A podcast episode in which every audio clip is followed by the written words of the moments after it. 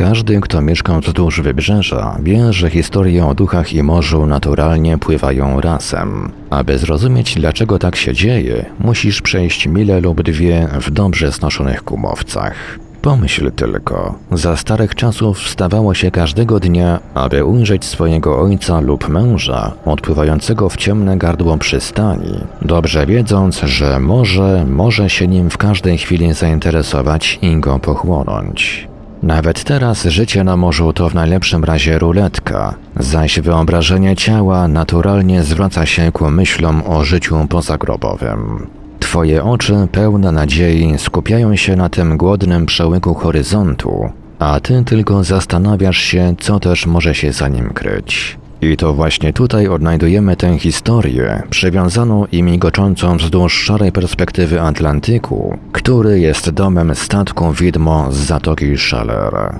Zatoka Schaller wdziera się w linię brzegową niczym głęboka cięta rana, która niemalże oddziela od siebie północno-wschodni wierzchołek Nowego Brunswicku i półwysep Gaspé w północnym Quebecu. Zatoka posiada wiele nazw, zależnie od tego, kogo zapytasz.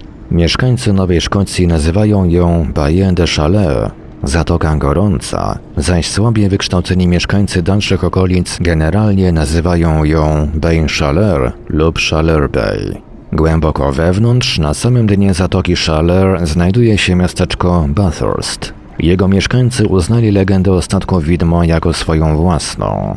W rzeczy samej, jadąc do Bathurst, powinniśmy baczyć na znak drogowy, który wita nas wizerunkiem płonącego statku.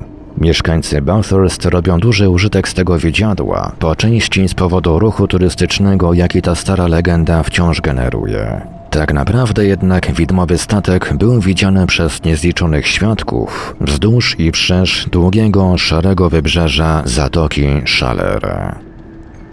Pani Joseph Cumo z Carlton w prowincji Quebec na półwyspie Gaspé opowiada, jak to będąc dwunastoletnią dziewczynką, wraz z ojcem obserwowała, jak ciemna, nadciągająca masa płonącego statku płynęła prosto na nich, tego ponurego czerwcowego ranka latem 1912 roku. Jej historię spisała kanadyjska folklorystka Edith Folk, żyjąca w latach 1913 do 1996, a następnie została ona przedrukowana w książce J.R. Colombo Ghost Stories of Canada, wydanej w roku 2000.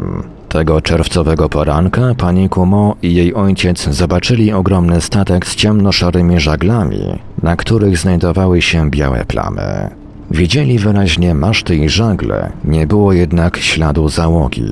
Świadkowie widzieli czarne, zachodzące na siebie cienie, które wydawały się przemieszczać i mieszać nad masywnym kadłubem dymiście szarego statku. Ojciec i córka obserwowali, jak widmowy statek zmierzał w kierunku Zatoki Szaler. Wydawało się, że odbijają się od niego większe fale. Po dobrych 10 czy 15 minutach upiorna jednostka rozpadła się. Wydawała się rozkładać, zupełnie tak, jak gdyby w jakiś sposób pożarły ją wody Atlantyku. Ojciec zidentyfikował widziadło jako widmowy statek z Zatoki Szalera. Po raz pierwszy ujrzałem ten płonący statek, mówił ojciec, w tym samym roku, w którym odszedł mój ojciec. Widziałem go też kolejny raz i wtedy w Klondike zmarł mój brat. Koniec cytatu. Bez względu na to, czy był to zbieg okoliczności, czy też nie, pani Cuomo wspominała, że w ciągu roku od obserwacji mrocznego statku zmarła jej młodsza siostra. O jej śmierć obwiniała statek widmo z Zatoki Schaller. William Francis Ganong, żyjący w latach 1864 do 1941 botanik i historyk marynarki, postanowił zbadać zjawisko ognistego statku z Zatoki Schaller. Swoje odkrycie opisał w artykule zatytułowanym The Fact Basis of the Fire or Phantom Ship of Bay Schaller, czyli podstawy faktograficzne ognistego bądź też widmowego statku z Zatoki Schaller. Artykuł opublikowany został na łamach Biuletynu Towarzystwa Historii Naturalnej w Nowym Brunswicku. Numer 5. Biuletyny 21 do 25. Lata 1903-1907. Ganong przybył do Zatoki Szalery jako wyszkolony naukowo cynik. Póki jednak nie było za późno, orzekł, że musiała to być zniszczona boja dryfująca po wzburzonym morzu. Na potwierdzenie tych poglądów będzie to wskazywało, że świecenie zawsze okazuje się być latarnią huśtającą się na widocznym maszcie lub rei, stanowiącą ostrzeżenie dla żeglarzy, aby pozostali na brzegu z powodu nadchodzącego załamania pogody.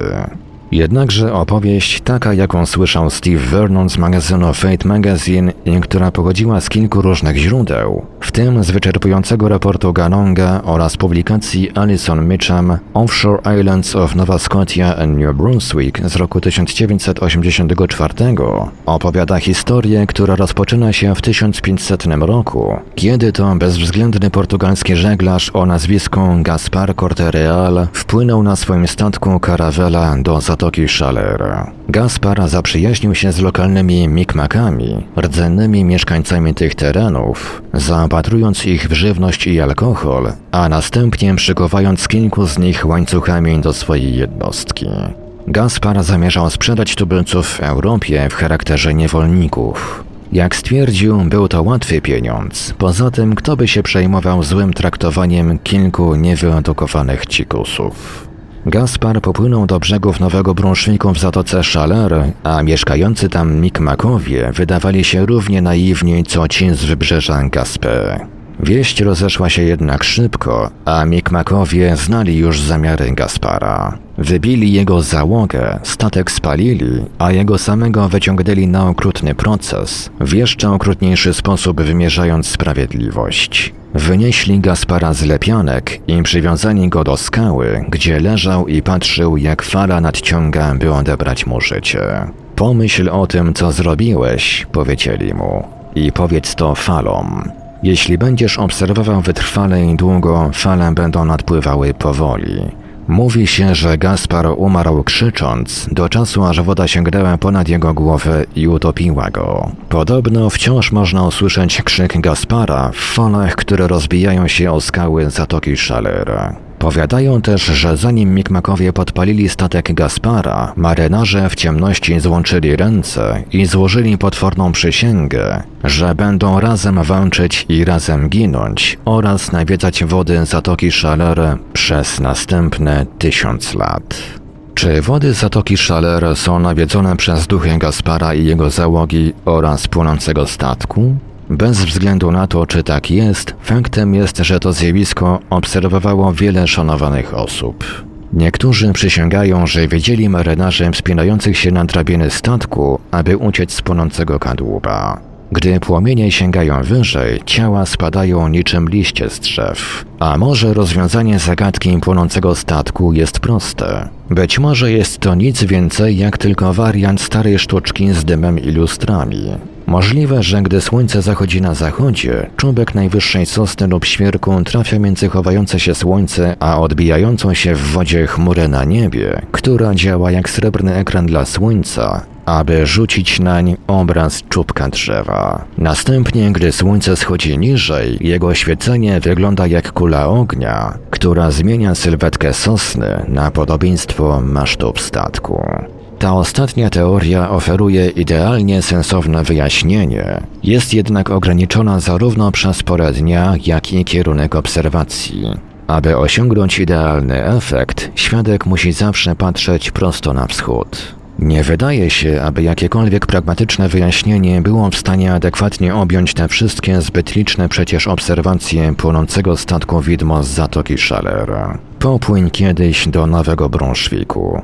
Odwiedź Bathurst i spójrz na znak drogowy, który wita cię u wybrzeży Baie de Chaleur. Stań w tym miejscu, gdy słońce będzie zachodziło i wsłuchaj się w fale, które do ciebie przemawiają. Mówi się, że każda fala obmywająca morskie wybrzeże niesie za sobą opowieść, a jeśli staniesz i wsłuchasz się długo, to jestem pewien, że usłyszysz mówiące do ciebie fale.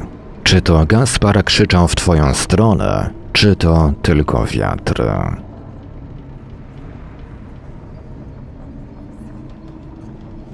Autor Steve Vernon, Fate Magazine. Tłumaczył, opracował i czytał Ivelios. Steve Vernon to pisarz i gawędziarz z Nowej Szkocji. Jest autorem książek Haunted Harbors, Ghost Stories from Old Nova Scotia oraz Wicked Woods, Ghost Stories from Old New Brunswick.